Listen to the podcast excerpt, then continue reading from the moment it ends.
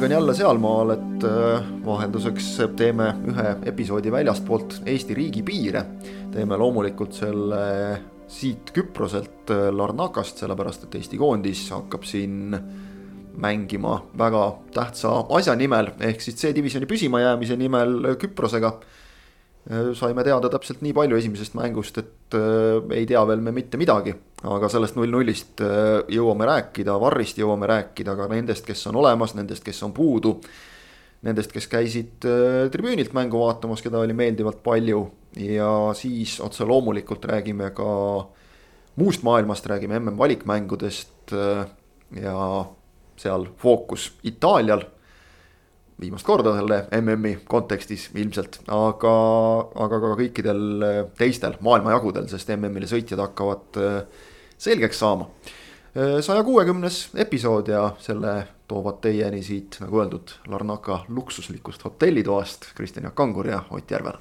Kalispera, Estonia, we are now ready to announce the vote uh,, the results of the Cypriot vote for this year's Eurovision Song Contest Estonia one, Kypros zero. Yes, yes, nii Oot. ja jalkajutud ja. Eh, Larnakast on kavas. just, null-null Tallinnas, ega selles mõttes, mis me selgeks saime sellest, eh, saime selgeks, et tegu on kohe võrdse vastasega, et rünnati vähe, kaitsti noh, lõppkokkuvõttes hästi, kui mõlemal on null taga, aga, aga vist selline suhteliselt tüüpiline play-off'i, kahest osast koosneva play-off'i esimene mäng et ja. Äh, mõlemad olid äh, pigem ettevaatlikud, seda tunnistas, noh, mida Küpros äh, mõtles, seda ei tea ja ei huvita ka eriti, pole meie asi, aga aga eesotsas näiteks Ragnar Klavani ka Eesti koondislased ütlesid kohe, et, et oli ikkagi selgelt ettevaatlikum lähenemine, mis on ka igati loogiline. tähtis oli hoida nulli, noh, see sai hoitud, värava tegelikult lõime ka, Varr võttis väga napilt selle ära, aga, aga, aga suures plaanis ju nagu otseselt nagu nurisemiseks põhjust ju, ju ka ei ole. jah tihke mäng väga,, väga-väga tihke, võimaluste vaene. Äh, Küpros sai esimene, esimesel poolel tabas siis korra latti ähm, ja, ja Küpros üldse esimesel poolel oli mõnevõrra aktiivsem, teine poolaeg Küpros oli, oli tegelikult äh, noh, vägagi tagasihoidlik. aga see oli ka arusaadav, ehk et eks see null-null tuli ju selle pealt, et äh, kui Küpros oli esimese poole viiki mänginud, siis nende nagu noh, mängust arusaam või hoiak muutus selliseks et äh, kui nad äh, viigiga minema saavad koju, on kõik hästi ja, ja ongi nende jaoks selles mõttes oligi kõik hästi. Ning äh, samas Eesti ei hakanud liiga palju riske võtma, sellepärast et äh, saadi aru, et kui kodus nagu kaotus tuleb, et see on asi, mida tuleb ikkagi vältida. et, et, et ega Eesti ju ka meeletult ei riskinud teisel poolajal äh, seda võitu ja aetud taga iga hinnaga, vaid ikkagi vägagi kontrollitult. tõsi, territoriaalne ülekaal ja mänguline ülekaal Eestil oli teisel poolel väga selge aga, aga samamoodi oli, oli, oli noh, näha ka see, et, et selle väravaks muundamisel äh, tegutseti ikkagi tarmukalt. noh, paar olukorda oli, et noh, näiteks paari standardolukorras oli näha seda, et siis nagu võeti veidikene suuremaid noh, kas risk on õige sõna, igatahes kui kõik keskkaitsjad viidi vastase karistusalasse, siis mingi olukord oli, kui sealt Küpros proovis kontrasse tulla, kus Konstantin Vassiljev oli kõige alumine kaitsja ja seal töötasid temaga kaasa, minu arust üks oli Henrik Ojamaa ja, ja noh, noh, mängijad, kes ei ole kaitsjad, on ju. ja, ja likvideerisid ohu ära, ehk et noh, mängiti ikkagi vägagi hoolikalt ja, ja see oli selle null-nulli äh, põhjus. Ähm, ja noh, tähendab endiselt ütlen, et see väljak, mis Lillekülas oli, et, et kui hooldamised ütlesid, et nii head väljakut tegelikult pole märtsis kunagi olnud Lillekülas, siis seda tuleb nagu võtta tõe pähe kindlasti. Äh, nüüd kaks tuhat kuusteist minu meelest, kui need Serbia-Norra maavõistlused olid, mul oleks nagu meeles, et oli ka hea, aga ma pead selle eest ei anna. Äh, aga noh, kui me mäletame näiteks kaks tuhat üksteist Serbia või kaks tuhat kümme Uruguay mängu. Äh, kaks tuhat üksteist oligi Serbia, Uruguay mõlemad jah, vabandust. et, et toona oli ju täiesti nagu külmunud plats, mis, mis, mis ei olnud, mis ei olnud nagu eriline jalgpalliväljak. et praegu meil oli ikkagi jalgpalliväljak, aga äh, see väljak kahtlemata mõjutas seda mängu, et ikkagi Äh, ta, ta võttis tempot maha, äh, paratamatult äh, kaitsjad näiteks tagant mängu alustades pidid noh, jällegi, kuna riski ei tahetud võtta, nad tegid kaks pallipuudet, ühe puute sööte me nägime kaitsjatelt päris vähe, aga kui sul taga kolm keskkaitsjat ühe puute sööte ei lükka, siis, siis on vastase positsioonidelt väljaviimine ja avauste tekitamine, kuhu siis rünnakuid suunata, ongi keerulisem. ja, ja noh, see kõik on nagu, oli natukene paratamatu see, et, et olud vajutavad mängu iseloomule mingisuguse pitseri, see toimub jalgpallis igal pool, et samamoodi kui mängitakse tohutus palavuses, kui mängitakse vihmas, noh, see on üks osa jalgpallist ja tegelikult ei saa öelda, et kumbki ei kohanenud sellega, vaid vastupidi, minu meelest mõlemad võistkonnad kohanesid tegelikult väljakuga päris hästi.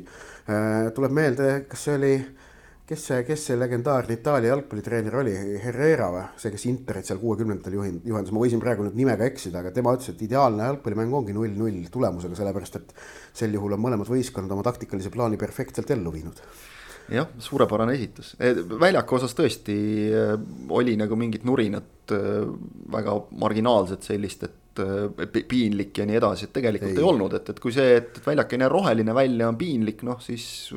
tasub väljak... rohkem, rohkem pöörata tähelepanu asja sisule, mitte niivõrd nagu sellele välisele, et tegelikult oli näha, et see väljak lubas mängida seal, jah pall põrkas mingites olukordades noh, natukene nii nagu ta künklikult väljakult põrkab, aga arvestades asjaolusid, et meil Eestis oli ikkagi võht-, võrdlemisi noh, kas nüüd karm talv, aga ütleme karmim kui mõnel eelmisel aastal. jah, pehme ta ei olnud, ütleme, et selline jah, tugev talv just täpselt ja olles noh, kasvõi vaadanud, mismoodi sealt väljakult veel kuu aega tagasi jäätunud lumekoorikut ära, ära veeti, et siis tegelikult saadi see ikkagi nagu täiesti mängitavaks ja, ja, ja noh, selle taha nüüd tõesti mitte midagi ei jäänud. mis Eesti puhul oli.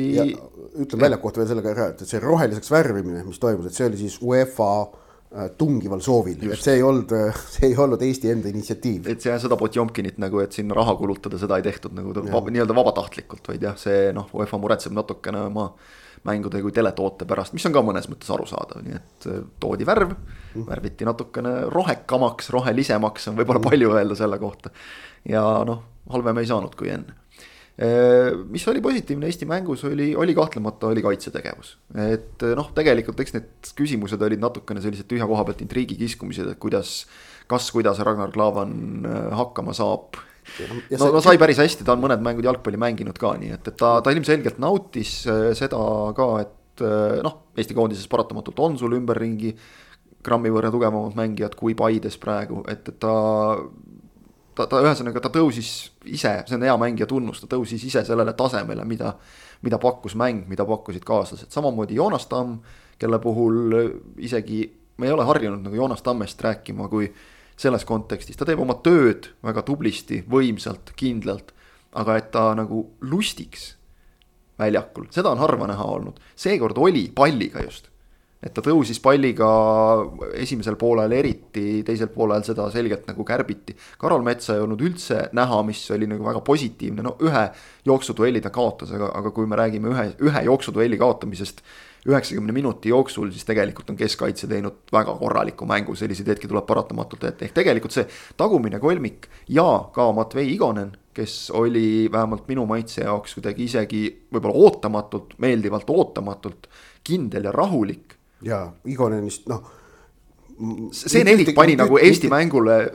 ühtegi märget ei olnud Igoneni kohta tegelikult vaja teha, peale selle püüdis kindlalt. ehk et, et tal ei olnud momente palju, need, mis tulid, need ta püüdis kindlalt. tuleb rääkida. kusjuures ta püüdis mõned päris keerulised pallid tegelikult. ja noh, need põrke kaudu tulid sellel väljakul, see oli keeruline, ta sai nende kõigiga hakkama, ehk et äh, see on hea märk. et see latilöök, milles Küprosel esimesel poolel oli, tuleb rõhutada või noh, noh, aus on märkida, et see ei olnud nagu sellise loogilise surve tunnus. muidugi juhuslikud momendid on osa jalgpallist ja, ja nendega tuleb nagu arvestada. aga et, et, et noh, samamoodi on aus ära märkida see, et see ei olnud mingisuguse sellise äh, mingi perioodi surve loogiline tulemus nagu oli tegelikult see värav, mille Eesti lõi ja mille Varre ära võttis, vaid see Küprose moment tekkis nagu juhuslikult, et noh, säärased juhuslikud asjad võivad tekkida, aga, aga see on siis mänguliselt äh, pigem nagu äh, siis äh, noh, kuidas öelda, Eesti vaatevinklist võetuna on julgustav märk, et et Küpros ei saanud kordagi Eesti meeskonda surve alla pandud selle üheksakümne minuti jooksul. proovisid esimese poole lõpus, hoidsid palli, aga sealt nagu mingit sellist survet Eesti väravale väga ei tekkinud. see, see oli nagu ainuke hetk, kus tundus, et noh, siin saaks natuke paremini Eesti vaatevinklist aga siis algas teine poolaeg ja, ja oligi paremini, nii et selles mõttes oli kõik, kõik kontrolli all. ründemäng, noh, tegelikult äh, ju toimis just selles osas, et mängu jooksul mindi paremaks. Esimese poolaja jooksul või esimese poole eriti alguses suhteliselt noh, ründefaasis pigem nähtamatus rollis olnud Mattias Käit oli teisel poolajal üle platsi mees, ma julgeks öelda. kui hakkas, vaata teisel poolajal mängijad paratamatult väsivad, see taktikaline distsipliin veidikene hakkab lonkama, ei jõuta enam positsiooni niivõrd täpselt sisse võtta. ehk et väljakul tekivad avavused, tekivad tühimikud ja see on see koht, kus Mattias Käit, mida olukord, mida Mattias Käit naudib, kus ta suudab nendesse tühimikesse eh, minna seal palliga asju teha, ennast kehtestada ja, ja seeläbi meeskonnamängu dikteerida, mida Käit tegelikult jah, teisel poolel tegi. enne kui me Käidist või õigemini Käidi puudumisest äh, edasi räägime, proovime joone alla tõmmata sellele esimesele mängule, sest see on juba teise mängu kontekst. Äh, väravat, noh, kaks tükki me lõime Varr võttis mõlemad ära, esimeses osas ei olnud küsimust, suluseis oli sirge ja selge. no esimese võttis abikohtunik ära, jah. jah, Varr kontrollis üle. Varr kontrollis üle jah, just täpselt, Varr ei võtnud seda ära. Äh, seal ei olnud midagi arutada, oli noh, iseenesest väga hästi ära löödud otsa joone pealt sisuliselt, aga, aga suluseis oli selge. Rauno Sappinen pikendamise hetkel oli, äh, või pikendamise hetkel oli käit suluseisus, kui Sappinen talle pikendas aga Pigem teine. Sapinen lõi vist väravast mööda tegelikult, ta tahtis, ma arvan, ikkagi raamidesse no, lüüa. võib ka olla muidugi ei no ise saad öelda alati, et ja. geniaalne liigutus, nägin tagapostis vaba meest, tahtsin talle sööta. aga, aga see värav muidugi jääb, jääb paljudel äh, kriipima, kuigi tegelikult ju Var tegi igati õige otsuse. suluseis on suluseis, kas ta on viis meetrit, kaks meetrit marginaal, marginaal oli väike äh,. samas mõtlen, et, et see ei olnud näiteks tolle mänguõhtul sugugi mitte kõige väiksem marginaal, et vaadake üle äh, Uruguay äh,, Peruu jalgpallikohtumise tipphetked äh,. ja, ja seal on siis olukord, kus Uruguay juhtis üks-null mängu ja äh, oli teada, et kui nad võidavad, nad tagavad koha MM-il ja Peruu äh, kaotab võimaluse otsepääsmiks Peru, Uruguay juhtis üks-null üheksakümne esimesel või teisel minutil. Uruguay väravaht ühte kõrget äh, sellist nagu noh, üle jala läinud senderdus vist oli või oli ka peallöök, püüdes lati alt, tegi sammud värava sisse ja näidati hiljem ära, et kuivõrd palju siis nagu palli veel joone kohale jäi et äh, sellest pallist noh, seitsekümmend protsenti oli raudselt väravas sees ja siis selle üle võime vaielda, kas sellest nagu palli äh, diameetrist oli see kakskümmend või kolmkümmend protsenti, mis veel joone kohale jäi või veel väiksem protsent. et, et selgelt, see on nagu marginaal. jah, selgelt jäi, väravat ei olnud, kõik ja. otsus väga hea ja õige ja, ja hea, et meil on varr, eks ole, aga no vot, et need on nagu marginaalid ja noh, me nägime samasugust väikest marginaali ka neljapäeval Lillekülas. jah, see, see ma ütlen, noh sügisestes mängudes oli ju tegelikult Varr samamoodi Lillekülas olemas, aga ta ei tõusnud kordagi esile. ta paar korda kontrollis mingeid äh, otsuseid üle. mänguseisakud olid sügisel ka, aga ta ei olnud äh, nähtaval kohal. ehk et praegu me nägime kaks korda ikkagi oli, oli olukord, äh, oli, oli asi nagu nähtaval kohal. esiteks see viiekümne esimese minuti intsident, kui kutsuti šotlane penaltit Eestile võimalikku penaltit üle vaatama ja siis see, kui Sapinini värav tühistati et, et nüüd noh, otsused mõlemad noh, noh, Sapini värav, seal ei ole midagi öelda, noh, suluseis oli, napp aga oli ja see viiekümne esimese minuti intsident, et noh, et eks seal e-, eks see William Collum, ta ei tahtnud teha suurt otsust, et suur, penalti Eestil oleks olnud suur otsus, tal oli võimalik sellest otsusest ennast välja vabandada sellega et äh, fikseerida Anierile viga, mida noh, oli suht lihtne tolles olukorras teha ja ta tegi sellise otsuse, et no ei saa öelda, et see vale oleks olnud, aga, aga noh no,. oleme ausad, kui alati on hea see indikaator on see, et äh, vaata mingit otsust vastavalt sellele, et kui sinu lemmikute kasuks või kahjuks see tehtaks mm. -hmm. et kui Eesti vastu antaks sellest, sellisest olukorrast penalti, siis oleks ikka väga pettunud no, et selles mõttes noh, minul isiklikult nagu jah, pretensioonid puuduvad, et, et seal aga, oli väike tõuge mm, -hmm. jah, pall puutus kätt pärast seda, aga et noh, sealt need penaltid, penaltit anda, see oleks olnud liig võib-olla. aga nüüd saab siis rääkida, saab sellest, et milline on ikkagi see Varri kogemus staadionil viibijal. ma ütlen ausalt ära, et noh, minul oli see, et mina pressisektoris, mul on see, et mul nagu stream jookseb kogu aeg, et mul ETV ülekanne käis, mis tähendab, et ma äh, et mul oli nagu äh, noh, mis ta on, kakskümmend, kolmkümmend sekundit viivitust on ju, et tuleb, tuleb, tuleb, tuli nagu kõik otsekaadrid, äh, sain arvutis üle vaadata, et noh, tavapealtvaatajal seda ei ole. ta võib telefonis selle käima panna, aga üldiselt ei panda, on ju. Äh, vaadatakse mängu. Ähm, kahtlemata on ja, ja ma rääkisin paari nagu publikus olnud inimesega pärast mängu sellest, et kahtlemata see tekitab kerget segadust, et sa ei ole harjunud tabloole seda asja vaatama, et tablool, suurel tablool ju antakse teada, mis toimub. Et, et seal on see, et tuli kiri ka, et var check in progress ja, ja, ja minu arust anti sellest ka teadustusest teada. aga noh, tähendab vaata paratamatult see ei, ei ole nagu äh, Äh, veel jalgpallimängu selles mõttes orgaaniline osa, et jalgpallimäng erinevalt näiteks äh, ma julgeks öelda korvpallist või võrkpallist äh, ei ole katkestustega mäng. et Kossus Volles on ju harjumus vaadata olukordi üleval kordusest üle, sest et sul ongi mängus katkestusi on palju tegelikult noh, viga, vigu või punkte, noh selle järel tekib kohe katkestus Äh, ja siis on võimalik kordusi üle vaadata. Et jalgpallis on ikkagi selline voolavus ja voogavus, mis on, tähendab seda, et inimesed ei ole harjunud olukordi üle vaatama ja see on see, mis tekitab noh, sellist väikest tõrget. Äh, ma ei ole nagu väga veendunud, et varri osas saab väga palju sujuvamaks seda protsessi teha.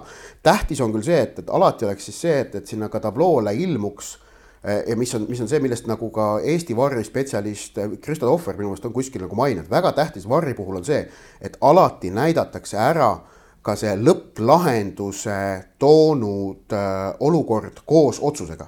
ehk et, et, et ka staadionil oleks suurel tablool ja minu meelest oli, oleks joontega äh, kaader, stopp kaader, et näe, Sappinen oli suluseisus ja samamoodi oleks tulnud siis äh,, seda minu meelest selle vaata selle penalti intsidendi puhul seda ei olnud, et seal oleks pidanud olema äh, kordus siis sellest olukorrast, kuidas Anier tõukas seda mm, Küprose meest, kes siis mängis käega äh, Äh, ja seal oleks pidanud ka olema, et äh, foul against Estonia, noh, mingi selline väga selge asi, mis oli otsus, mida vaadati ja mis oli otsus. see tuleb teha nagu selgeks, enamat minu meelest ei ole võimalik, ülejäänu osa peab siis publik ise ära õppima. et noh, tegelikult see on nagu no,. jah, see on nagu õpitav, eks ole, nii nagu näiteks noh, enda näitel võin tuua, et mingil hetkel, kui sa jalgpalli piisavalt palju vaatad, siis sa õpid ära selle, et et, kui sul on vähegi nagu see tunnetus, et äkki miskit on ja mingil hetkel on see tõesti automaatne, et kui värav lüüakse,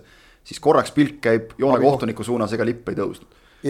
et see, see on lihtsalt selline, et seda ei saa nüüd keegi sulle öelda, et kuule, vaata nüüd, ega ei ole suluseisu, selle sa pead ise, eks ole, nagu kuidagi sisse harjutama endale peaaegu automatismini, aga, aga jah, see, et, et kui sa sinna ekraanile vaatad, et sa sealt ekraanilt saaksid ikkagi võimalikult õige info ja see on natukene, ütleme, UEFA, FIFA jaoks selline keeruline teema, sest on ju minu meelest on püütud nagu väga hoiduda sellest, et mis iganes noh, vastuolulisi otsuseid, väravaid on jah näidatud suurelt ekraanilt ka, aga et vastuoluliste otsuste korduseid, et noh, me parem ei, ei näita neid, et mitte tekitada tribüünil, mis on mõistetav jällegi. et mitte tekitada tribüünil mingit rahulolematust, aga vot nüüd Varri puhul on see tegelikult ikkagi vajalik, et isegi kui see rahvale ei meeldi siis ka minimaalselt peab olema tõesti see, nagu sa ütlesid, et selles võimaliku penalti olukorras, et kordus konkreetsest olukorrast ja otsus kirjalikult, et seal oleks nagu mitte nagu öeldud, vaid just nimelt peab olema tekstiga pandud, et noh mm -hmm., aga otsus on lihtne. tegelikult noh, see ei ole väga keeruline öelda, et penalty for Estonia, foul against Estonia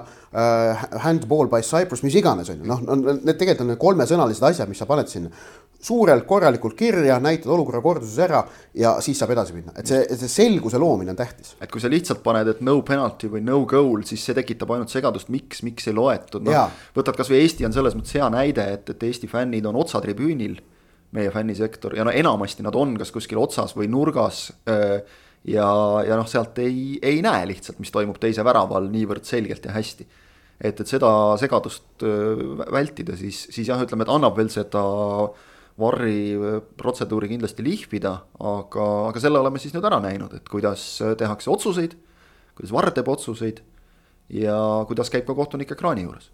ehk et, et see ajalugu on nüüd selles mõttes tehtud. debüüdid Eestis ja, äh, ja ma mõtlen Eesti koondise sügisestel mängudel vist ei olnud ka võõrsil mängul ühtegi seda, et kohtunik oleks ekraani juures käinud. ei meenu küll peast praegu mulle vähemalt, et oleks niisuguseid olukordi olnud, nii et äh, vist peaks aga olema nagu, esimene. see nagu, vaata, see on ka hea näide sellest, et ikkagi äh, kus see varri nivoo on, et, et on äh, noh, hala on väga palju rohkem kui nagu tegelikke tegusid.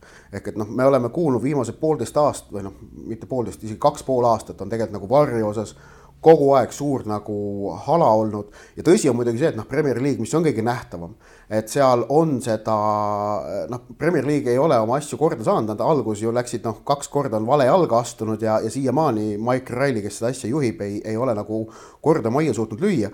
aga samas ma ütlen nüüd enda kogemuse põhjalt jällegi meistrite liigast, mida ma ju olen kommenteerinud nüüd terve selle hooaja, siis äh, Äh, kõik, mis nagu meistrite liigas on varriga olnud, tegelikult on ikkagi väga selge. Et noh, no ei teki mitte mingit segadust, äh, see asi on vägagi toimivaks lihvitud, äh, on üpriski ootuspärane see, et noh, tähendab, ei ole nagu üllatusi selles osas, mida minnakse üle vaatama, tegelikult ei ole. ja, ja kui sa näed, mida minnakse üle vaatama, siis on kohe ka aru saada, miks seda minnakse üle vaatama. Nii et, nii et selles mõttes äh, ma ütlen seda ja, ja, ja, ja tegelikult seda ei ole palju ja seda ei juhtu sageli. Äh, ja nüüd see Eesti koondise näide ka, et meil on tegelikult äh, sügisel oli viis mängu Varriga vist, viis või kuus, viis vist. ja, ja nüüd kuues ja see oli siis esimene kord, kui mindi monitori vaatama. et noh, tegelikult seda Varri ei ole niivõrd palju inglaste puhul on lihtsalt see, et, et asi ei ole niivõrd minu meelest varris, kui asi on konkreetselt nendes kohtunikes, et noh, kui, kui ekraani taga on ka ikkagi inimene ja peakohtunik on ka inimene ja kui nemad seal noh, eksivad, ei suuda ühist joont hoida, siis noh, VAR kui süsteem ei ole selles tegelikult süüdi. ja kohtunike osas Inglismaal läheb asi halvemaks, sellepärast et Mike Dean, kes on tegelikult ka nagu üks paremaid Premier League'i kohtunikke, temale tehakse väga palju nalja, aga tema lõpetab karjääri ära ja ta on nagu ta on selles mõttes nagu natuke nagu Eestis on Heiko Saar, et ta on nagu mängijate poolt väga austatud kohtunik. Jah, aga noh, paratamatu, mis teha yeah.. E, üks väike aspekt veel esimesest mängust, viis tuhat kolmsada kuuskümmend kuus pealtvaatajat, väga, väga viisakas number, et tegelikult kui siin viimased kaks pool aastat pärast e, seda, kui Saksamaa käis Tallinnas noh, on olnud loomulikult piirangud, asjad kõik, eks ole, aga, aga just selle nurga alt ka, et et see oli siis esimene täiesti e, nüüd nagu piiranguvaba kohtumine. pärast koroona algust. pärast koroona algust, et ei olnud äh, ei mingit publikunumbri piirangut ega siis koroonapassi. kas Belgia mäng piirangut. kodus, kas seal oli midagi? seal olid äh, koroonapassid. seal olid, olid need veel, et, äh, et Belgia mäng kodus oli siis äh, kuus pool umbes, umbes täpselt kuus tuhat kuussada, et, et see number viis tuhat kolmsada kuuskümmend kuus oli nüüd äh, selle järel suuruselt teine ja. ja oli, oli selline meeldivalt, noh, tegelikult see on ju hästi laias laastus kolmandik staadioni. Kui võtta nüüd see A Le Coq Arena täismahutavus ja ütleme siis noh, pool, pool publikut nii-öelda, aga. näitab, näitab, aga, väga selgelt, kui tähtis on see, et mängud peavad hakkama kell seitse Tallinnas. just, esiteks see ja, ja, ja ikkagi noh, see, et, et nälg oli suur äh, oluline mäng ka, see, et Eesti koondis on, on näidanud häid tulemusi, see kindlasti tõi rahvast juurde, aga tõesti, see kella seitsmene algusaeg on väga oluline, arvestades seda, et äh, mängule ei tulda ainult Tallinnast ja isegi kui sa oled Tallinnast, siis väikeste lastega ei tule mängule, kui ta hakkab kell kakskümmend üks nelikümmend viis. mul sõbrad lastega tulid mängule, sest et ütlesid ka, kui ma ütlesin neile kell seitse mäng, ahah, selge, ja tuldi, sest et see, sa jõuad kümneks koju ja, ja see on nagu okei okay., et noh, saab järgmine päev kooli minna normaalselt oli, oli meeldiv kogemus selles mõttes, et oli võrreldes siin viimaste mängudega võrdlemisi täis äh, fännitribüün mm. -hmm. mis äh, oli, oli nagu minu teada seal tehti ka mingeid liigutusi, et asi oleks natukene selline. kompaktsem. kompaktsem jah, ilus jalgpallitermin, tihedam äh,, kõlavam ja oli ka. no ja, Putin tuli... loo kõlas juba enne avaviljet, see oli no, ilus. see kõlas korduvalt ja igasugused muud toredad laulukesed veel nimetatud ja kodaniku aadressil, aga mis oli väga positiivne, mida ma, ma isiklikult nagu alati, kui rääkides kaasaelamisest, hindan nagu. tõmban sinna nagu joone, et, et väga hea mäng on see, kui küljetribüün tuleb kaasa. ja, ja seda juhtus päris mitu korda. nii et selles plaanis äh, kiitus publikule ka, kes, kes kindlasti noh, omalt poolt aitas nii palju, kui sai. algusaja kohta veel tahan märkida, et tegelikult tuleb meeles pidada, et UEFA-l on ka kolmas algusaeg, see on, see on ju see, mida me ka Eh, mida näiteks eh, Flora ju kasutas eh, kahel puhul konverentsiliigas, kui oli seitseteist kolmkümmend mänguaeg. et seal on siis see, et oli seitseteist kolmkümmend, kakskümmend null null ja kakskümmend kaks null null. koondise mängudel on see kolmas algusaeg viisteist kolmkümmend ja nüüd tegelikult tahaks seda, et kui ole, kui juhtub mingi nädalavahetuse mäng nüüd tulema kas suvisel, suvel või sügisel Eh, ma tahaks loota, et mõni mäng jääb nädalavahetuse päevale, kodumäng kolmest, me loodame, et kolmest, et siis on, see tähendab C-divisjoni, D-divisjonil kaks kodumängu. et saaks UEFA käest loa Eesti Jalgpalliliit proovida ka seda viisteist kolmekümnest algusaega nädalavahetuse päeval, see võib äh, mõnes mõttes äkki isegi toimida veel paremini või kuidas, kuidas noh, et võimalik, et sellistele mürakarudele on liiga varajane aeg, aga ma arvan, et pigem tegelikult mitte. et, et see, see võib ka nagu selliseks jalgpallipäevaks muutuda. saab hommikul ka selle festivali ala kenasti seal kõrval lahti teha Äh, ja, ja, ja, ja noh, see oleks natuke nagu siis vaatan, on see karikafinaalide päev olnud. et ma ütlen seda viisteist kolmekümmet, kui on, on nädalavahetuse mäng, võiks nagu proovida, kuidas see toimib. jah, kui luba saadakse, et noh, siin on vist olnud igasuguseid kogemusi, et vahel on, ollakse väga jäigad nendega, kui Eesti soovib muudatusi, ei saa kõik, te olete seal no, selles tsoonis. jalgpalliliidu poolt, et noh, et nad on nagu vägagi jõuliselt selgitanud, et miks on kella seitse, kell seitset vaja Tallinnas mängimiseks, eriti argipäevadel et, et noh, see kakskümmend üks, nelikümmend viis on meile nagu noh, inimeste harjumuste jaoks liiga hilja lihtsalt. Et noh, ise tahate ju ka, et te siin olete valmis nagu muru roheliseks värvima, et, et te ju tahate ka võimalikult palju publikut saada, et las me siis proovime nagu tuua sel ajal, kui, kui, kui see töötab. ja, ja ma ütlen ühe veel asja, et noh, aus on öelda ka näiteks ka, et meie lugejanumbrite puhul on väga selge vahe sees, kas mäng on kell seitse või kakskümmend üks, nelikümmend viis. ja ütleme noh, jalgpalli kajastuse mõttes noh, jalgpalli kajastamine ja selle noh, nii-öelda tagasiside andmine avalikkusele, mida jalgpalliajakirjandus ju teeb. see on ka üks osa jalgpallist ja see on selles mõttes ega, ega UEFA, FIFA ja üldse jalgpallijuhid ega nad nagu niisama tegelikult ei näe vaeva selleks, et ajakirjandus huvituks jalgpallist, et see nagu tekitab ikkagi see resonants, mis tekib kõlakamber, mis tekib, mida vägevam see on, seda enam see aitab kaasa selle jalgpalli äh, sisemisele tugevusele ja, ja ka kasvule ehk et kui on üheksateist null null mäng, meie lugusid sellest mängust loetakse võrreldamatult palju rohkem kui kakskümmend üks, nelikümmend viis alanud mängu puhul, sellepärast et inimesed lähevad öösel magama ja hommikul võivad juba uued teemad olla, aga üheksateist null null tähendab seda, et meie noh äh,, järelkaja ehk et mängijate kommentaarid ja ka reportaaž on tegelikult kella kümneks meil ikkagi portaalis reeglina üleval, noh, mõni asi tuleb äkki natuke hiljem ja, ja üldiselt noh, need noh, kell kümme inimesed lähevad harva magama, pigem on see on ju alates üheteistkümnest hakkab see magamineku aeg. pigem on nagu see, et kui sa veel lähed pärast korraks kuskilt sõpradega läbi, eks ole, teed pärast mängu veel kannu limonaadi näiteks, siis, siis on ju see, et, et sa jõuadki selleks ajaks koju ja siis vaatad, eks ole, et, et veel, mis, mis veel on olnud, vaatad tihti veel väravad üle, eks ole. mida tribüünilt võib-olla nii, nii hästi ei näinud, mingid olukorrad, mingid asjad, et, et sa, sa oled veel mängulainel mm. -hmm järgmisel hommikul, isegi kui uusi teemasid peale ei tule, sa ei ole enam mängulainel, uued asjad, uued, uued mõtted juba tööle minek ja, ja kõik Just. ja, ja see nagu langeb ära täiesti. et jah, selles plaanis loodame, et õnnestub rohkem suruda sellisele kellaajale mänge. aga nüüd tulles äh, Küpros Eesti mängu juurde, ehk siis äh, homme õhtul äh, Larnakas äh, toimuva mängu juurde, siis. õnneks ka kell seitse. ka õnneks kell seitse, just ei saa me üle ega ümber ikkagi sellest praegu, kui me hakkame koosseisust äh, rääkima, et äh, nii mõnigi päris oluline mees on puudu ja pihta on saanud just nimelt kuidagi üks positsioon. täiega. puudu täiega. on Mattias Käit, puudu on Martin Miller ja puudu on Markus Poom, ehk siis kui Käit langes ära. ja jätkuvalt on puudu Bogdan Vassiuk. just, ja jätkuvalt on puudu Bogdan Vassiuk, kes ei saanud piisavalt terveks, erinevalt Artur Pikast, kes sai koondisega liituda, kes annab kindlasti mingeid käike juurde. Pikk tegi ju eile trenni kaasa, et see on ka tähtis, et ta ei ole nagu. ei tule ta, otse nagu lennukilt mängule. saanud eile trenni teha, ta teeb täna trenni kaasa, noh, et äh, tal on nagu noh, ta on ikkagi, peab, peab selle jaoks olema, tähendab, peab, peab terve olema. aga keskpoolkaitses on olukord jama jah, sellepärast et äh, noh, Käit on nagu Eesti võtmemängija, selle vastu nagu ei saa, tegelikult on kogu meie keskvälja kolmik, Käit, Vassiljev, Kreida. me nägime jällegi ka mängus, kodumängus Küprosega, kuidas see kolmik äh, on oma rollides hiilgav, kuidas nad klapivad. ja ausalt öelda sealt nagu kõige hõlpsam on mul tunne on hetkel asendada Vassiljevit äh, ja teda saab just nimelt asendada Martin Milleriga, äh, sest et Miller on Floras olnud väga hea ja, ja terve selle hooaja praegu mänginud väga hästi aga nüüd on ka Miller, kes oleks olnud esimene loogiline vahetusmängija äh, nii Käidile kui Vassiljevile, on puudu. järgmine loogiline vahetus Markus Poom, kes oli siis sügisel, on puudu ja veel järgmine loogiline vahetus Bogdan Vassiuk on samamoodi puudu. ehk et kolmas keskpoolkaitse, kes praegu hetkel Toomas Häberlil nagu selle põhikohaga keskpoolkaitse, kes on, on Markus Soomets. ma eeldan üheksakümmend protsenti, et Soomets homme mängib kümme protsenti tuleb jätta kahele muule variandile. Soometsa noh, tähendab, et äh, hea on see, et Soomets on, esiteks ta sai ka eelmine sügis, sai äh, suurtes mängudes karastust, näiteks Belgia vastu. teiseks on hea see, et ta on ikkagi Floras praegu olnud äh, põhikoosseisu mees, ehk tal on, tuleb nagu sellise hea mängurütmi pealt.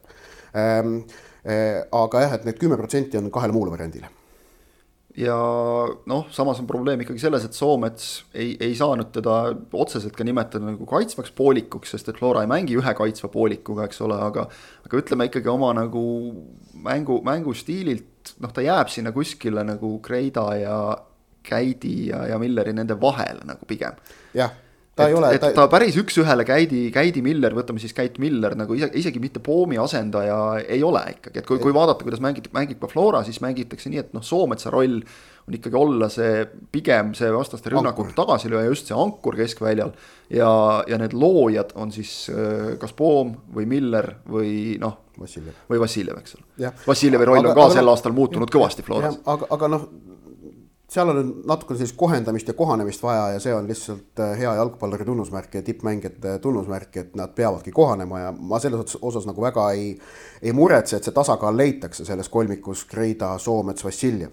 et, et seal tuleb kasuks ka see, et nad on ikkagi noh, okei okay,, Kreida nüüd pole küll aasta aega Floras olnud, aga samas ta teeb praegu Floraga trenni äh, et tegelikult noh, nad, nad tulevad samast nagu kooslusest, nad, nad, nad tunnevad äh, natukene tunnevad teineteist ja nad, neil on see teineteise mõistmine olemas, et, et see, see, see, see tuleb praeguses olukorras veidikene kasuks. ja just see, nagu sa ütlesid, et Soomet sai ka koondises mängida, teab häberli käekirja juba ikkagi, ei tule talle midagi nagu ootamatult ei visata vette päris, päris tundmatus kohas.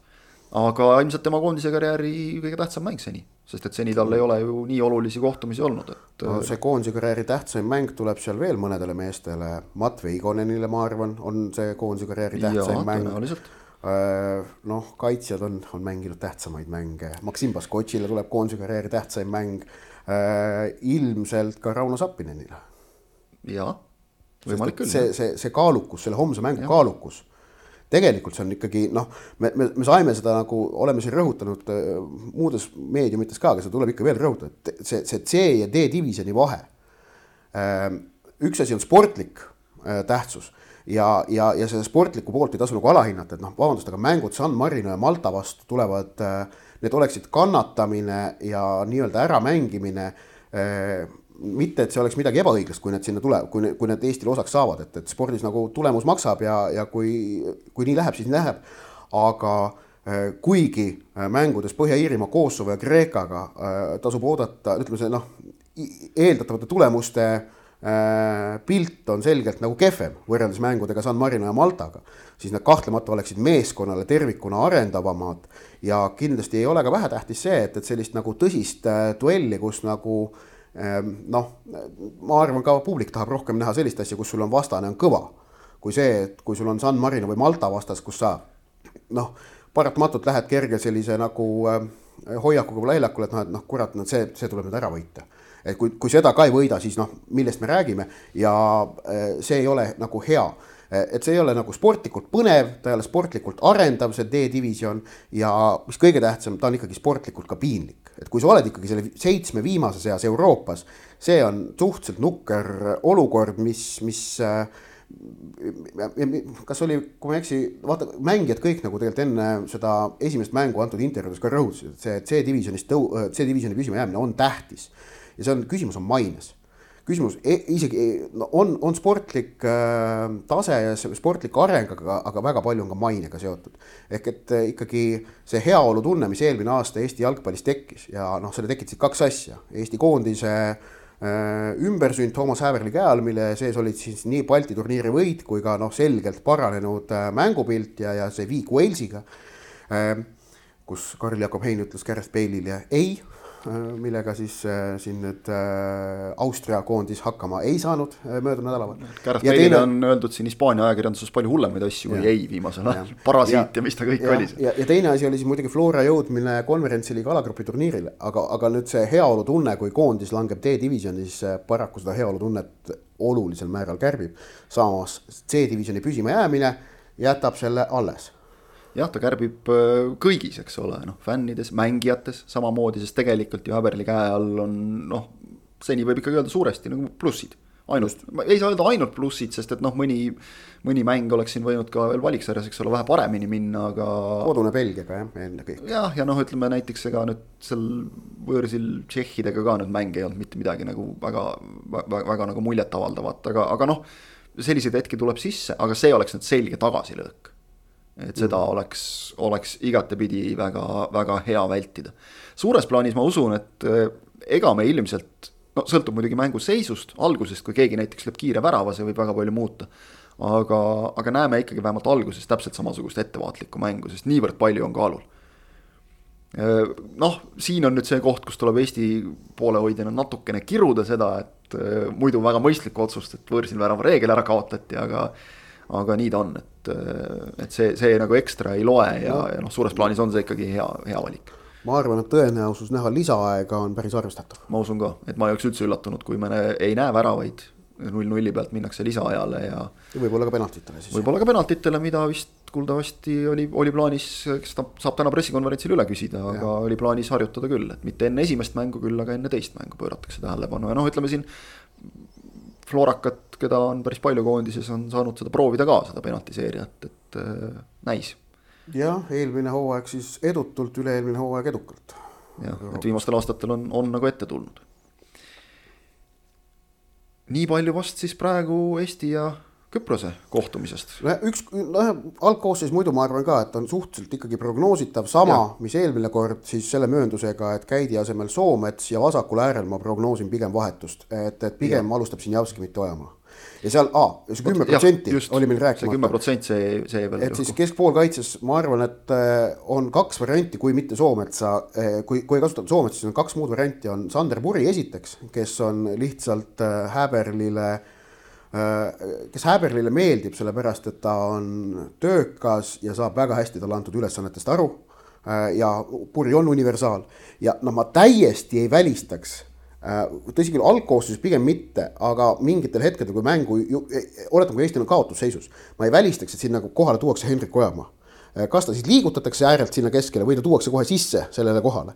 et, et Flora on ju paaril puhul päris edukalt seda olukorda olnud, kasutanud, et tuuakse Ojamaa Äh, ründajate alla tegutsema või ründaja alla Floras, aga äkki siis äh, koondises ründajate alla, et seda nagu, äh, see, see on käik, mis kindlasti, ma usun, Häberlil on kuskil meeles. jah, kolmese liiniga mängides, kui tood ääre peale veel mõne ründava mängija ja liigutad Ojamaa keskele, see on üks võimalus. aga, aga jah, nagu sa ütlesid, see on ülimalt tõenäoline, on ülimalt tõenäoline, et Ojamaa alustab ääre peal oma positsioonil või arvad, et Sinjavski? ma arvan Sinjavskit, jah okay see on, see on üldse huvitav küsimus tegelikult, sest et Häberli, Häberlilt küsiti ka, et, et miks nii vähe vahetusi või noh, miks nii hilja nagu need vahetused, ta ütles, et asi ju tegelikult toimis, ma ei tahtnud rütmi lõhkuda. nüüd ongi see küsimus, et kui palju ta tahab seda kooslust, mis mängis, kui ta niigi peab tegema juba ühe vahetuse käidi asendamise näol. kui palju ta tahab seda muuta, lõhkuda, noh, see on loomulikult natuke teine asi kahe mängu vahel muuta algkoosseisu, aga kui palju ta tahab seda, seda muuta, sest tegelikult see Ojamaa, Baskotši äärtel, see iseenesest töötas, võib öelda, suures plaanis. ma olen nõus, et töötas, aga Sinjavski on mängija, kes teatavasti, mida näljasem ta on, seda paremini ta mängib üldiselt. ma arvan, et see oli ka teadlik valik Sinjavski ja teiseks mänguks äh, nälga tekitada, pluss äh, väljakute iseloom äh, me mängime homme selgelt paremal väljakul ja Sinjavski tehnilise mängijana, tema plussid tulevad hea muru peal välja paremini, kui nad oleksid tulnud neljapäeval Lillekülas mis muidugi Sinjavski puhul on oluline, on äh, kaitsetöö. sest et Ojamaa tegi seda tegelikult esimeses mängus, eriti mängu alguses äh, väga hästi, väga distsiplineeritult. mäletame eelmine aasta näiteks Tšehhi vastu, see viimane mäng võõrsil, ei olnud probleemi, Sinjavski, Sinjavski, ta saab aru küll, mis ta roll selles koondise, selles süsteemis on ääre peal nii et äh, põnevust ikkagi, ikkagi on ka veel ja. enne, enne algkoosseisu väljakuulutamist. just mujal maailmas, äh, meil on siin omad väiksed mured, siis väga suured mured on, on Itaalial. kui sa ikka valitseva Euroopa meistrina, me räägime siin emotsionaalsest langusest D-divisjoni. kui sa valitseva Euroopa meistrina jääd äh, teist finaalturniiri järjest eemale MM-ist. Äh, ja jääd veel niimoodi eemale, et sa kaotad Põhja-Makedooniale kas Itaalia läks ikkagi liiga, nüüd on kaks, kaks varianti, et kas Itaalia läkski liiga ülbelt peale, sest juba, juba viitasid ka noh, kriitikud, et, et juba räägiti sellest, et noh, kuidas me Portugaliga nii, Portugaliga naa, noh nüüd ei tulegi Portugaliga mängu. või siis on teine variant see, nagu ütles Antonio Cassano, et kallid sõbrad, Itaalias ongi kehv, Itaalial ja Itaalias, Serie A-s ongi kehvad mängijad no tegelikult vist tõde on kuskil kahe vahel, aga, aga piinlik on ta kahtlemata Roberto Mancini'le. nojah, Itaalia puhul noh, on välja toodud asjaolu tõesti, et sellist staarründajat hetkel ei ole, noh. Roberto Baggiot äh,, isegi Luka Toonid, Filippo Inzagid äh,. meest, kes võtaks mängu enda peale ja teeks ära. kaks tuhat kaksteist kontekstis, et sellist meest ei ole hetkel Itaalial ees äh, jah, et, et see on nagu üks nüanss, aga kokkuvõttes, kui sa vaatad seda, et nad ikkagi, neil oli võimalus ju sügisel kaks mängu Šveitsiga, mõlemas oli variant ära otsustada, mõlemas mängus eksiti penaltiga Äh, ja noh, see on nagu. mitte isegi exiti, vaid eksis Jorginho. üks kindlamaid lööjaid muidu. eksiti penaltiga, aga ikkagi kaks viiki Šveitsiga olid äh, need põhjused, miks nad äh, valikgrupis teiseks jäid. Et see ikkagi viitab mingile süsteemsemale probleemile, mitte juhusele. tõsi on see, et, et ega mm valiksarjas eksimuse marginaal, lubatud eksimuse marginaal ongi väike ka Euroopas et siin äh, Aafrika küll halab pidevalt, et neile antakse niivõrd vähe kohti ja et neil kohe, kui eksid, oled väljas, ega Euroopas on samamoodi ja noh, tegelikult see muidugi, et Aafrikal on viis kohta kolmekümne kahest, see on täiesti nagu põhjendatud, suuremaks kvoodiks ei ole mitte mingit põhjust. Äh, varasemaid jah, tulemusi vaadates ei, ei ja, ole vaja anda ja, rohkem. ja, ja, ja samamoodi Euroopal see kolmteist kohta, mis MM-il on, on välja teenitud äh, ausalt äh, aga ka selle kolmeteistkümne peale on konkurents säärane, et eks maailmameistrid võivad välja jääda vabalt. on seda varem juhtunud, juhtub ka edaspidi, see on või... jalgpallile ainult hea. nii või naa oleks jäänud ju välja kas Itaalia või Portugal, eks ole, kui ka Itaalia oleks jõudnud äh, sellest esimesest ringist Põhja-Makedoonia vastu edasi. emb-kumb oleks ikkagi jäänud kõrvale, aga, aga nüüd siis Portugal, Põhja-Makedoonia, noh, kui nüüd Cristiano Ronaldo ka võib-olla rõõmustas, et vähe kergem vastane tuleb, siis on halvasti Portugalile, aga ma arvan, et äh, Põhja-Makedoonia selles no, mõttes tegi no endale, tegi endale selles mõttes karuteene, et, et noh, nüüd keegi alahindama portugallastest kindlasti ei lähe neid. ja, aga vaata, Portugal on see sats, kes ei olegi kunagi nagu alahindamisega tegelikult hakkama saanud, et, et kui nad selle Serbiale ka, Serbiaga viigi tegid selles otsustavas mängus Äh, või kaotasid, ma ei mäletagi, igatahes kui nad Serbialt äh, noh, neil oli, nad ei saanud seda soovitud tulemust kätte Serbia vastu. Ega, ega Portugali alahindajad mängisid halvasti lihtsalt sügisel tolle mängu. Äh, Portugal ei ole sats, kes alahindab, Ronaldo koondise eest on hoopis teistsugune mängija kui Ronaldo ükskõik millises klubis, kus ta mängib. nii et ma seal nagu seda alahindamise probleemi ei näe, küll aga Põhja-Makedoonial on kindlasti olemas oma relvad, millega nad võivad Portugali rünnata. ma Itaalia kohta tahan veel öelda, et see oli jalgpallil ainult hea, kõik sellised asjad kui suur soosik saab vastu nina, on jalgpallile ainult head. Ja jutt sellest, et ilma Itaaliata pole õiget MM-i, lihtsalt ei päde, kui sa, väga lihtne, täpselt sama, mis nagu superliigaga. tõesta, et sa kuulud sinna, sa tõesta seda väljakul, kui sa ei saa hakkama, siis sa ei kuulu sinna. ja, ja nii ongi, Itaalia ei, saa... ei vääri maailmameistrivõistlustel osalemist teist korda järjest nad MM-il ei mängi, alates kahe tuhande kuuendast aastast, kui nad maailmameistriks tulid, pole nad kordagi MM-il ka alagrupist edasi saanud, kaks tuhat kümme jäädi alagruppi, kaks tuhat neliteist jäädi alagruppi, kaks tuhat kaheksateist ei kvalifitseerutud, kaks tuhat kakskümmend kaks ei kvalifitseerutud. see on Itaalia jalgpalli ja tema fännide jaoks väga-väga piinlik ja eh, noh, peabki olema piinlik, aga see valu on üks osa jalgpallist ja tuleb ära kannatada lihtsalt. jah, ja ei ole nad ainsad, vaadata kui kaua Hispaania piinles, enne kui lõpuks hakkas edu tulema, eks ole, ja Itaalial on ikkagi aeg-ajalt ju tulnud jälle selliseid häid turniire sisse, eks ole. nagu mullu EM, noh, siis oldi väga head. MM, eks ole, siin noh, viimasest MM-tiitlist ei ole nüüd ka nii palju möödas, kui, kui nii mõnelgi teisel kes, kes ka hirmsasti tahab seda, nii et äh, ei, ei ole tegelikult nagu nuriseda midagi, aga, aga noh, jah, see on jube mage oleks finaalturniir, kui ütleme siis, et noh, ilma Itaaliata ei ole õige, ilma Inglismaata, ilma Hispaaniata ei ole õige. noh, siis lasemegi kõik sinna ja kõik mängivad omavahel läbi nagu, et, et noh, see, see ei ole ju finaalturniir enam, et, et see ongi finaalturniiride nagu võlu ja, ja, ja valu, et, et seda nüüd hakata lahendama näiteks sellega, nagu siin helgemad pead on pakkunud jälle, et, et kahe aasta tagant teha, noh.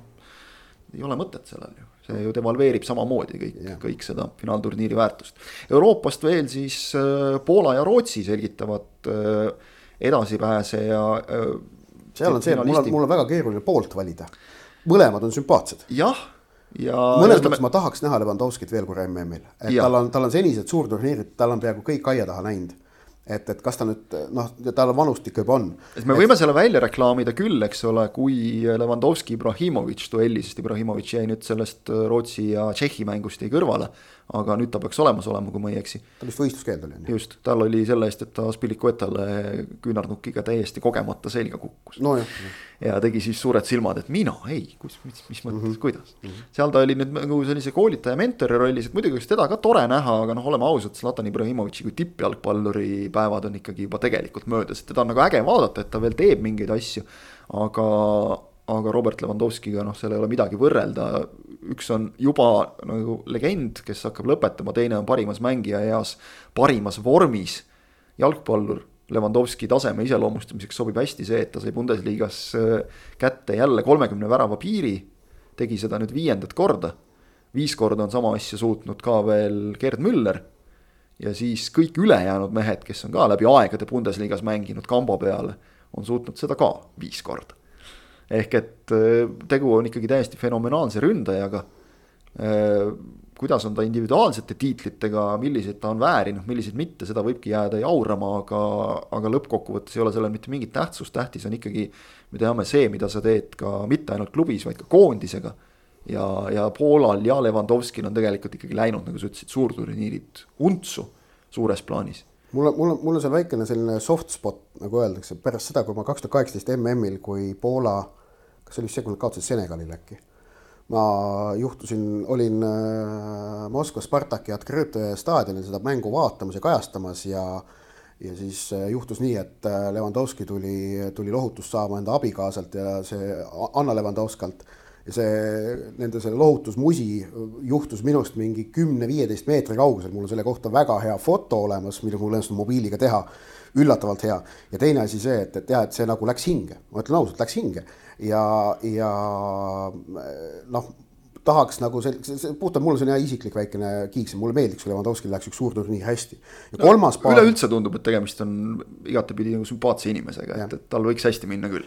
ja kolmas paar on siis see, kus äh, üks poolfinaal Šotimaa, Ukraina lükati juunikuusse äh, arusaadavatel põhjustel, teises poolfinaalis Wales alistas äh, Austria, noh, tähendab Wales kaotas Austriale, aga Gareth Bale alistas Austria kaks-üks ehk et Wales mängib kas Šotimaa või Ukrainaga siis MM-i kohale ja no Gareth Bale'i roll Walesi koondises, see on ikkagi fenomenaalne, kuidas see mees suudab seda satsi ähm, kuidas ta suudab võtta selle liidri rolli selles Walesi koondises.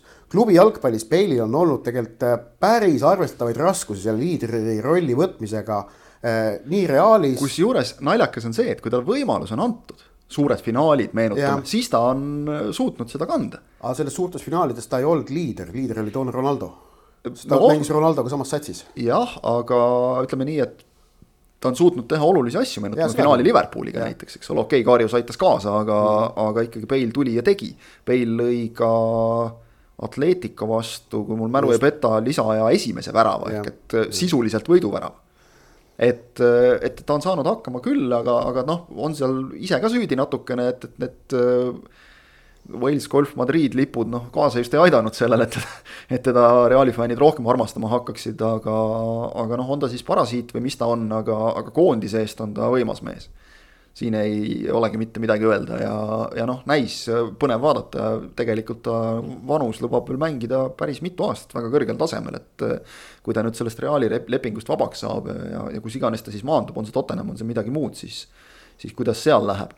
aga selles mõttes on huvitav, see Poola, Poola-Rootsi paar on minu jaoks nagu selles plaanis huvitav, et et poolakad ju äh, pidanuks mängima Venemaaga, see mäng mõistetavatel põhjustel jäi ära, Poola mängis äh, siis samamoodi nii-öelda ripakile jäänud praegu šotlastega, mängis maavõistluse.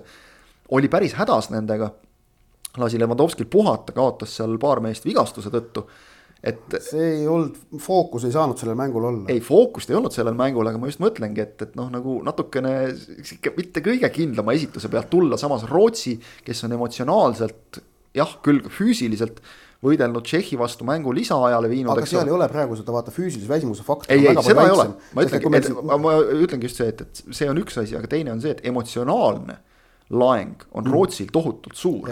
Zlatan ka veel tagasi ja nii. tavaliselt koondise akendis on praegu olnud see asi, kus nagu mänge lahutab ainult kaks päeva äh, mis nagu tõesti on mm. füüsiliselt keeruline, aga praegu on see, et äh, tühja päevi vahel on neli ja ei, see, see ei olegi nagu tähtis, ma just mängid, tahtsingi selleni jõuda. mängiti see... neljapäeval, vabad olid reede, laupäev, pühapäev, esmaspäev mängitakse teisipäeval. ma tahtsingi selleni jõuda, et tähtis ei ole üldse füüsis, vaid just see psühholoogiline pool, et Rootsi tuleb sellise emotsionaalse laksu pealt ja muidugi tahab ka Rootsi saada MM-ile. ka nende jaoks on see, see on alati suur asi, nad on ikkagi selles mõttes jalgpalli kontekstis väike Põhjamaa, aga äh, soosiku koorem, ma usun, on, on Poolal ja ennekõike Levandovski. Nad mängivad kodus ka, jah. jah, kes mängib ka kodus veel. Ehk et Rootsi saab minna sellele mängule nagu hea emotsiooniga, aga samas üsnagi noh, niivõrd-kuivõrd saab seda öelda pingevabalt. et poolakatel ei ole üldse mitte kerge ülesanne kui edasi minna mujale maailma ka korraks hästi kiiresti, siis teeme võib-olla selle kõige eksootilisema tiiru kohe kiiresti ära, Uus-Meremaa ja Saalomoni saared selgitavad siis äh, Okeaania parima meeskonna, kes ka siis otse veel ei saa, vaid Okaanial on nii-öelda null koma viis kohta. Okaania parim saab, saab ka veel play-off'i. ja, ja play-off'is no minu meelest neil oli vastaseks on Põhja-Ameerika, neljas Just kelleks äh, kõigi eelduste kohaselt on Costa Rica, sest Põhja-Ameerikas juhtus see, et äh, Kanada tagas MM-i möödunud öösel ära MM-koha. no lõpuks oli see sisuliselt ammu selge. nojah, see oli selge jah, ja USA ja Mehhiko mõlemad võitsid, mis tähendab, et äh, neil on nüüd vaja viimases mängus viiki vähemalt, millega nad tagavad, aga tegelikult ilmselt isegi siis, kui nad juhtuvad kaotama, siis Costa Rical väravate vahega neist mööda minna on, on päris keeruline nii et, nii et jah ilmselt me näeme siis äh, noh, Uus-Meremaa on soosik Solomoni saarte vastu ja Costa Rica on selle neljanda koha peamine kandidaat, ilmselt Uus-Meremaa, Costa Rica matš on see, kus pannakse üks MM-ile pääse juunis äh, selgeks. samas Uus-Meremaal oli päris tükk tegemist Tahitiga, nii et äh, tegelikult no, kui jah. kõva see Uus-Meremaa on, noh, on omaette küsimus, aga, aga neile kahele igatahes nii Costa Ricale kui siis noh, eeldatavasti Uus-Meremaale mm. -hmm. on, on selline noh, ikka, ikka suurepärane võimalus tegelikult, mõlemal on vastane niisugune, et võinuks tulla palju hullem. võinuks tulla USA, Mehhiko ka näiteks sealt täiesti vabalt ja noh, siis oleks selgelt ühepoolne, et selles ja. mõttes igal juhul põnev paar. ja Uus-Meremaal neil läks kõigepealt hästi sellega, et nad said endale selle noh, et Okeaania vastaseks loositi Consacaafi esindaja, Põhja-Ameerika esindaja ja läks hästi ka sellega, et ükski kolmest praegu ikkagi kõige võimsamast Põhja-Ameerika tsoonikoondisest äh, ei põrunud valiksarjas, vaid lähevad kolme ilmselt äh, sest kolme no,, kolme otsekohaga edasi. sest noh, reaalne, reaalne tundub see, et, et USA-l ja Mehhikul on ikkagi vormistamise vaev viimases voorus. just, just veel, äh, kes, kes siis kindlustasid, Kanada kindlustas äh, endale MM-pileti teist korda üldse Kanada mm. jalgpalli ajaloos. ja, ja noh, neile oli see väga tähtis, sest Kanada on, on üritanud ennast kõvasti positsioneerida, neil on mängijaid Euroopas noh, Bayernist alustades ja, ja Türgi tippklubidega lõpetades jalgpalliriigina ka, et, et me ei ole ainult mingi hokiriik ja just vaatasin, kuidas nad uhkelt kuulutasidki, et, et noh see on hea näide, see Itaaliaga saab paralleeli tõmmata, et e, ütlesidki, et me oleme või, või meie koondisega samamoodi, C-divisjon versus B-divisjon, D-divisjon, et me oleme jalgpalliriik. Nii lihtne ja. ongi, kui me tagasime pääsu MM-ile, siis me saame öelda, et me oleme jalgpalliriik, muidu me võime seda rääkida, kui palju me tahame. siiamaani siis Kanada ainukene MM kaheksakümne kuuendal aastal kolm mängu, kolm kaotust, väravat vahe null viis, aga nüüd Kanada on kindlasti nad on kakskümmend kaks nüüd, äh, nad on, nad on huvitav sats, keda vaadatakse, neile kuulub kindlasti avalikkuse sümpaatia ja lisaks tuletan meelde, et nad kakskümmend kuus järgmisel MM-il nad on korraldajad, ehk et nad, nad liiguvad ka koduse MM-i suunas. eks sellepärast ka on neile oluline just see, et, et noh, muidu on alati hea lihtne, et noh, te saite sellepärast, et te olete korraldajad, ei, me teenisime selle koha auga välja. kui sa võidad ikkagi äh, oma tsooni USA Mehhiko ees, siis on ju asjad hästi. ja äh, veel Ecuador ja Uruguay kindlustasid MM-pileti sellest põgusalt sai ennem räägitud, kuidas Peruu siis seal... ja nüüd on Peruu, Kolumbia või äh, Tšiili on siis see meeskond, kes saab minna kontinentidevahelisse play-off'i. ilmselt Peruul on selleks kõige parem šanss, nad peavad äh, kodus viima-, noh ne,, neil on, nemad juhivad seda punktitabelit praegu äh, ja neil on siis võimalik äh, see äh, ära kindlustada sellega, kui nad, kui nad kodus on edukad vastaseks on äh, Peruul kodus Paraguay, kelle, kellel on lootused kadunud, selles mõttes noh, Peruul on šanss on hea. Äh, aga siis Kolumbia äh, ja Tšiili loodavad, et, et Peruu libastub ja siis tekib neil variant ja mängib siis Lõuna-Ameerika viies Aasia viienda vastu, kus on siis seis see, et kuna jah, Austraalia kaotas Jaapanile, Jaapan ja Saudi Araabia said sellega MM-ile. Austraalial on esmalt vaja võita Aasia teise alagrupi kolmas, kelleks ilmselt on Araabia Ühendemiraadid ja siis oleks vaja võita veel ka kas Peruu, Kolumbia või äh, siis Tšiili. ehk et tegelikult šanss see, et me näeme esimest MM-i ilma Austraaliata pärast kahe tuhande teist aastat on päris suur. tundub üsna kõrge Ecuador on kerkinud kuidagi ootamatult Lõuna-Ameerikas. tegid hea valiku ma ütleks isegi ja, ja Uruguay samamoodi, kaks esimest on alati olnud äh, olnud nagu omaette klassist natukene, aga noh, sealt valiksarjast nagu mitte läbi tulla ei ole nagu naljalt võimalik, kui sa oled Brasiilia või Argentiina, et lõpuks ikka kuidagi. Proovinud küll. Nad on proovinud küll ja usinalt, aga, aga lõpuks ikka kuidagi nagu noh, kogemata kombel õnnestub. ja Aafrika on mainimata meil veel, seal on peetud esimesed mängud äh, play-off'is, kus siis kümme meeskonda. mulle koolis õpetati, õpetati, et see noh, praegu on õige öelda vist Sahara-tagune Aafrika või Sahara-alune Aafrika, mulle öeldi selle kohta Musta Aafrika, koolis õpetati. igatahes Mustal Aafrikal on lood päris mustad äh, sest et kõigis neljas duellis, kus nende esindaja äh, on vastamisi Põhja-Aafrika meeskonnaga, on nad pärast esimest mängu äh, jamas. Tuneesia võitis võõrsil Malit, siis Alžeeria võitis võõrsil Kameruni Egiptus võitis kodus Senegali ja Maroko tegi võõrsil Kongoga üks-üks viigi. ehk et kõigis nendes neljas paaris Põhja-Aafrika sats läheb kordusmängule vastu edasipääsu mõttes favoriidina. võõrsil värava reegel kehtib, ehk et Marokol, Marokol on Kongo vastu värav olemas, null-nullist neil kodus piisab. ja siis viies paar Ghana-Nigeeria esimene mäng oli null-null et kõikides paarides on kõik veel lahtine tegelikult, aga jah, Põhja-Aafrika on, on saanud eelise ja, ja noh. mis on põhjus, Põhja-Aafrikas on jalgpallikorraldus, administreerimine on parem, korrektsem ja see kandub lõpuks väljakule üle. euroopalikum, võiks vist öelda, igatepidi. et, et mängijaid on, on seal jah, sellel Mustal Aafrikal ka palju Euroopa liigades.